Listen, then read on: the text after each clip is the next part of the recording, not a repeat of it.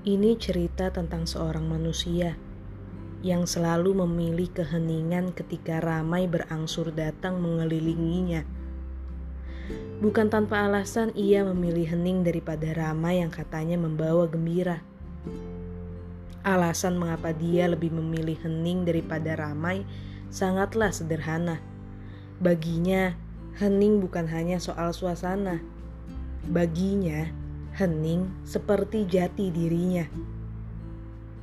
Mungkin alasan itu bisa diperkuat karena nama yang dimilikinya juga memiliki arti yang sama dengan hening.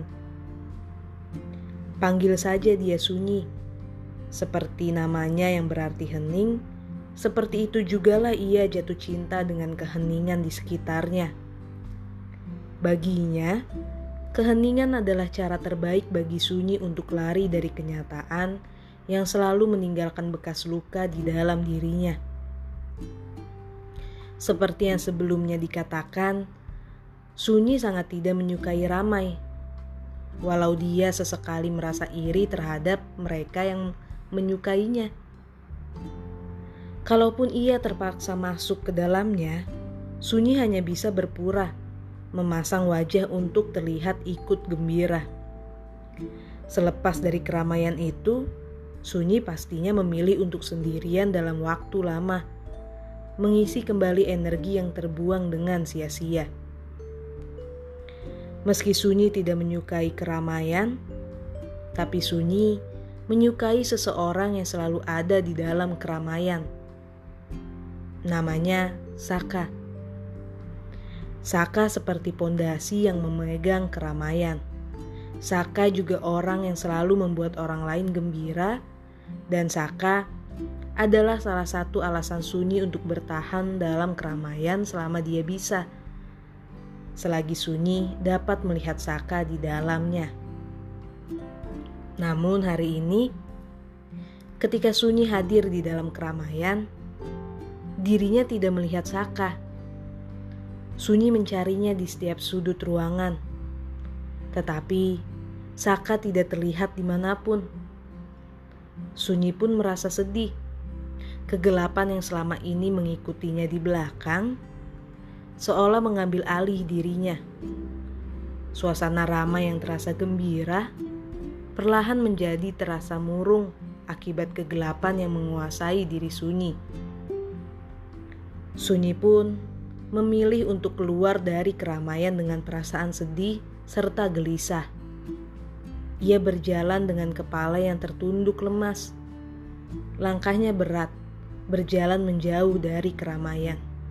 Tetapi baru beberapa langkah Sunyi meninggalkan keramaian, Sunyi tanpa sengaja melihat kehadiran Saka ketika ia mengangkat kepalanya untuk sesekali melihat ke depan.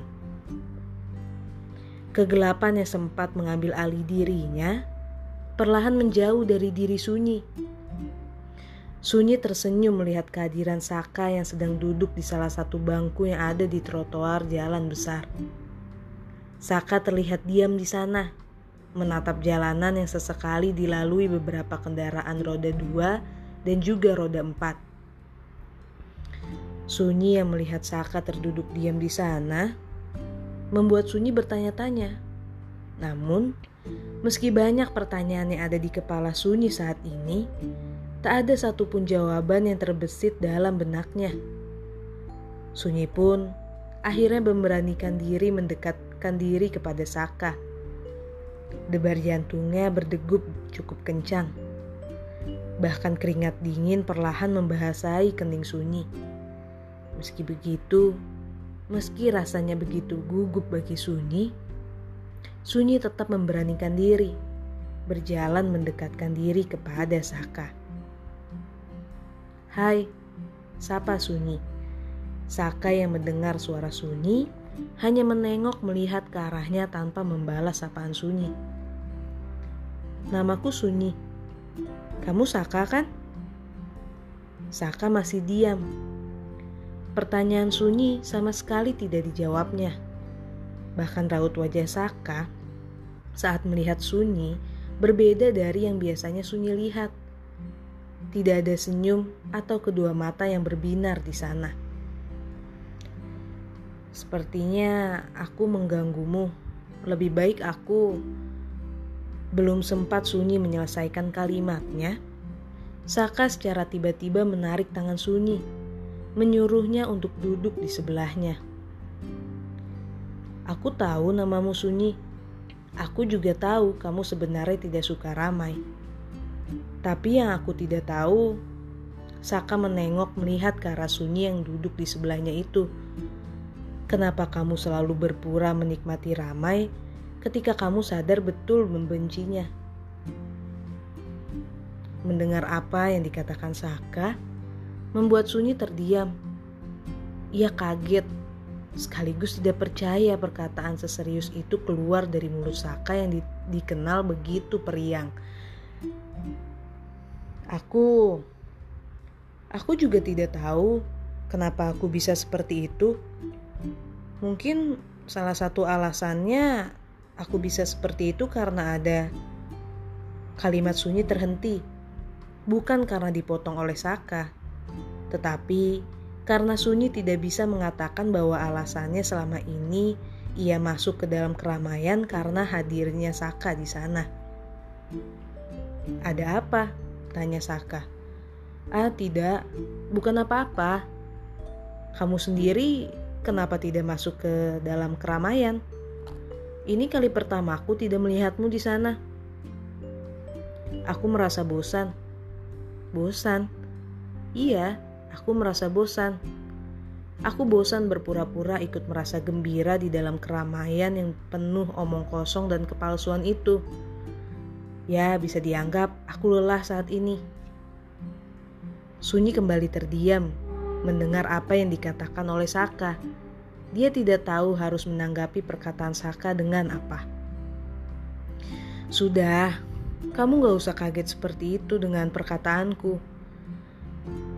Karena yang merasa bosan bukan hanya aku saja sebenarnya.